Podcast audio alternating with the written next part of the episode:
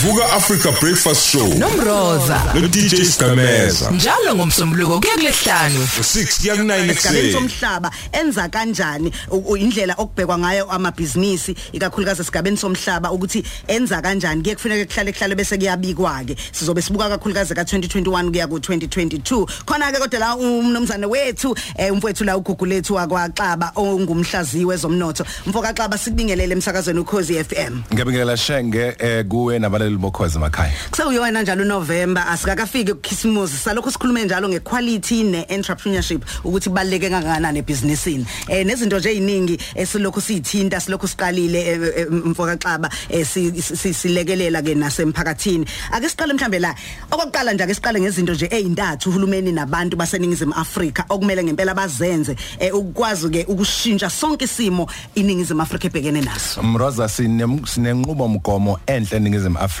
eh uyayuzwe isikhathi esiningi khulunywa kuthiwa shenge eh inqubo mgomo ethinhle uma kuziwa esigabeni sokwazi ukuthuthukisa umnotho nokuthuthukisa osomabhizinisi.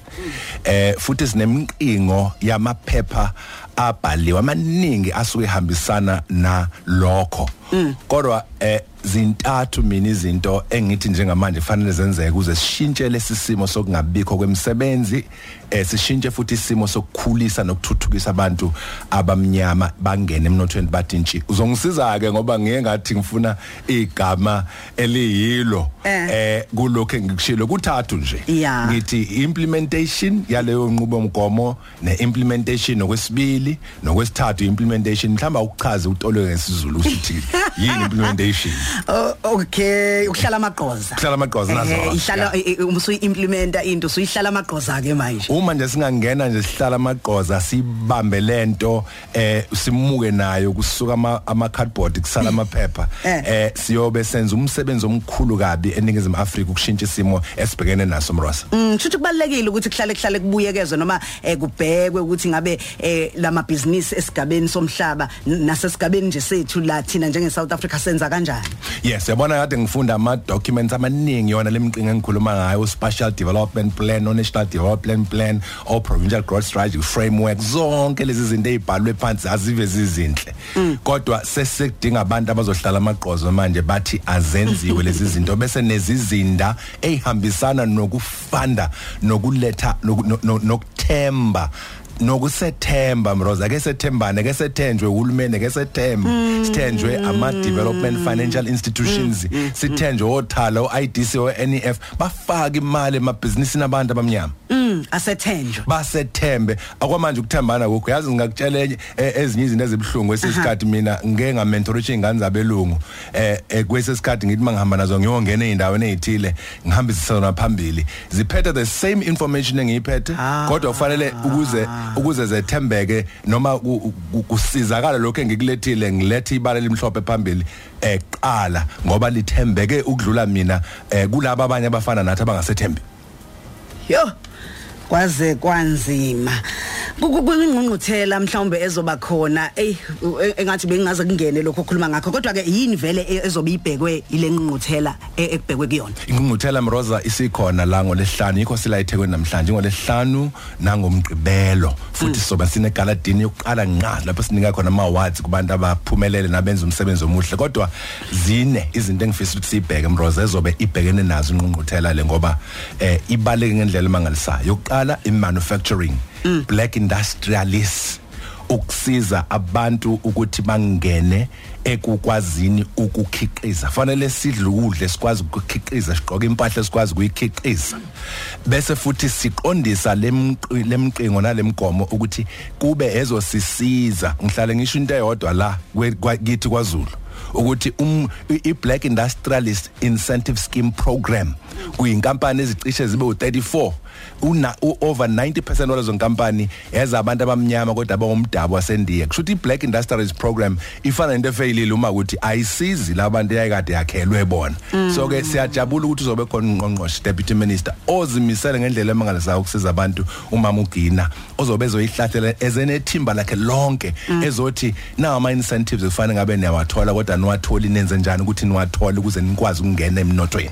Oqala lokho mros yes. Yeah. Yeah. M- u- u- uma mhlambe usakhuluma nje ngomnotho khona umnotho omunye sibuye siwukhohlwe wasolwandle. Yes. So bese ubheka ngqo umnotho wasolwandle nensizwa kaGcaba lapho e- enkulukazi yaziwayo la eNingizimu Afrika nabanye ababe bazobe behlezi bengqungile kukhulunywa ukuthi umnotho wasolwandle wenziwa kanjani futhi ke phakathi kwalokho Mroza sobe sibheka na cryptocurrency angeke siyeke ngoba um, i Reserve Bank sizwile ukuthi iphathisa umthetho ukuthi i crypto sefanele yamukelwe njengemali kuyiye eNingizimu Afrika. Eh sizobe sibuka futhi ke eh, alongside umnotho wasolwandle no fish Mm. Eh kade sikhuluma nje eh, sinomhlo sikhuluma ngezolimo. Ezolimo nazo zidlala indaba endima enkulu. sizobe sibheka kakhulu imroze zolimo ngoba iyona izona ezingumgogodla. Yabona uma singakwazi ukuthi sibe nokudla?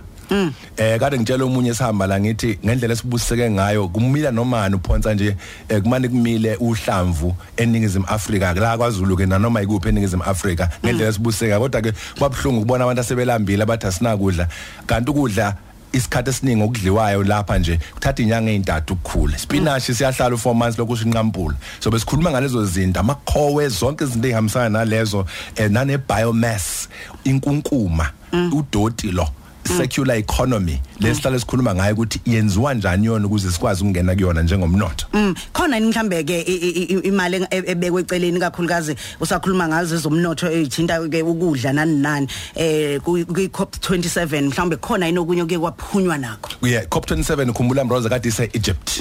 Eh kuxoxwa kabanzi ngesimo somhlaba nanokunukubezeka komoya nanendlela ekumele zenziwe njengoba wazi ukuthi nathi basifudula lapha basifushe ukuthi singabe saba eh nelokho kuthiwa fossil fuel sikhiqiza ugesi ngamalahle.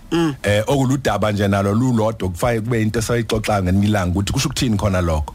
Kodwa iCOP27 ivalile insuku ezimbili ezedlule. Ibikade ke iza nezinqumo zokuthi kuzoba khona imali kece ekumele ukuthi ingene isize amazwe athile. Nathi njengela njengeNingizimu Afrika uyibonile ibhicongo sibe nazo zama floods fanele abantu bazazi lezo zinto ukuthi zenzeka kanjani ke therefore singena kanjani ekuthenini singene kulowo mnotho.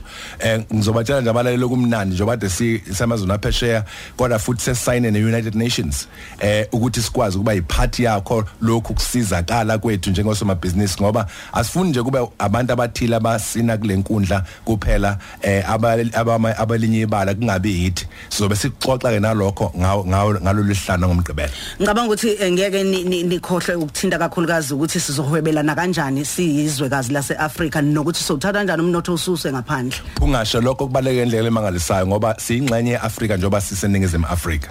Eh sobe sinabo abavela kwamanye amazwe eAfrika bezoxoxa be ukuthi as- asike siphume umkhankaso nathi.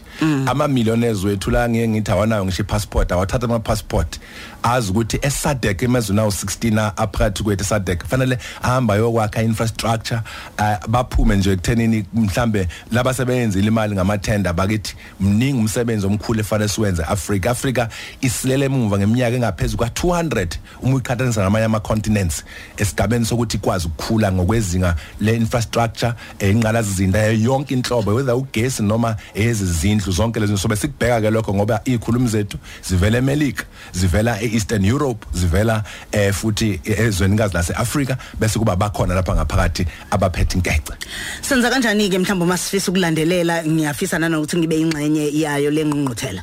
Ngihamba neinsizwa zami namhlanje as office 45 ezona ezibhekelele kakhulu eh udaba loku lwama lwa- lwe website abalaleli bangaya ku www.amandlaomnotho.co.za babhalise khona kumbe bafake iWhatsApp ku 08222 52217 0822522217 ababhalise emroza bashesha ngoba siyavala nje kungekudala ekuze sibone bangaka abantu kuze senze into ze catering zonke into efana lezo. Nabafuna ukungena kuma awards ne ne gala dinner ezobe ingomgqibelo ntambama ngo6 kuya ku10 ebusuku. Sineyikhulu ezinkulu kabi bazobe bexoxana ngemayini ke kuleyo gala dinner eh iyaqala ngo8 ekseni ngolesihlanu to 5 bese futhi iqala futhi ngomgqibelo from 8 to 4 bese bayiqala dinner ngolesihlanu ebusuku lapho sobe sixoxa khona ukuthi kwenzakala ne charisma center khona lapha eThekwini.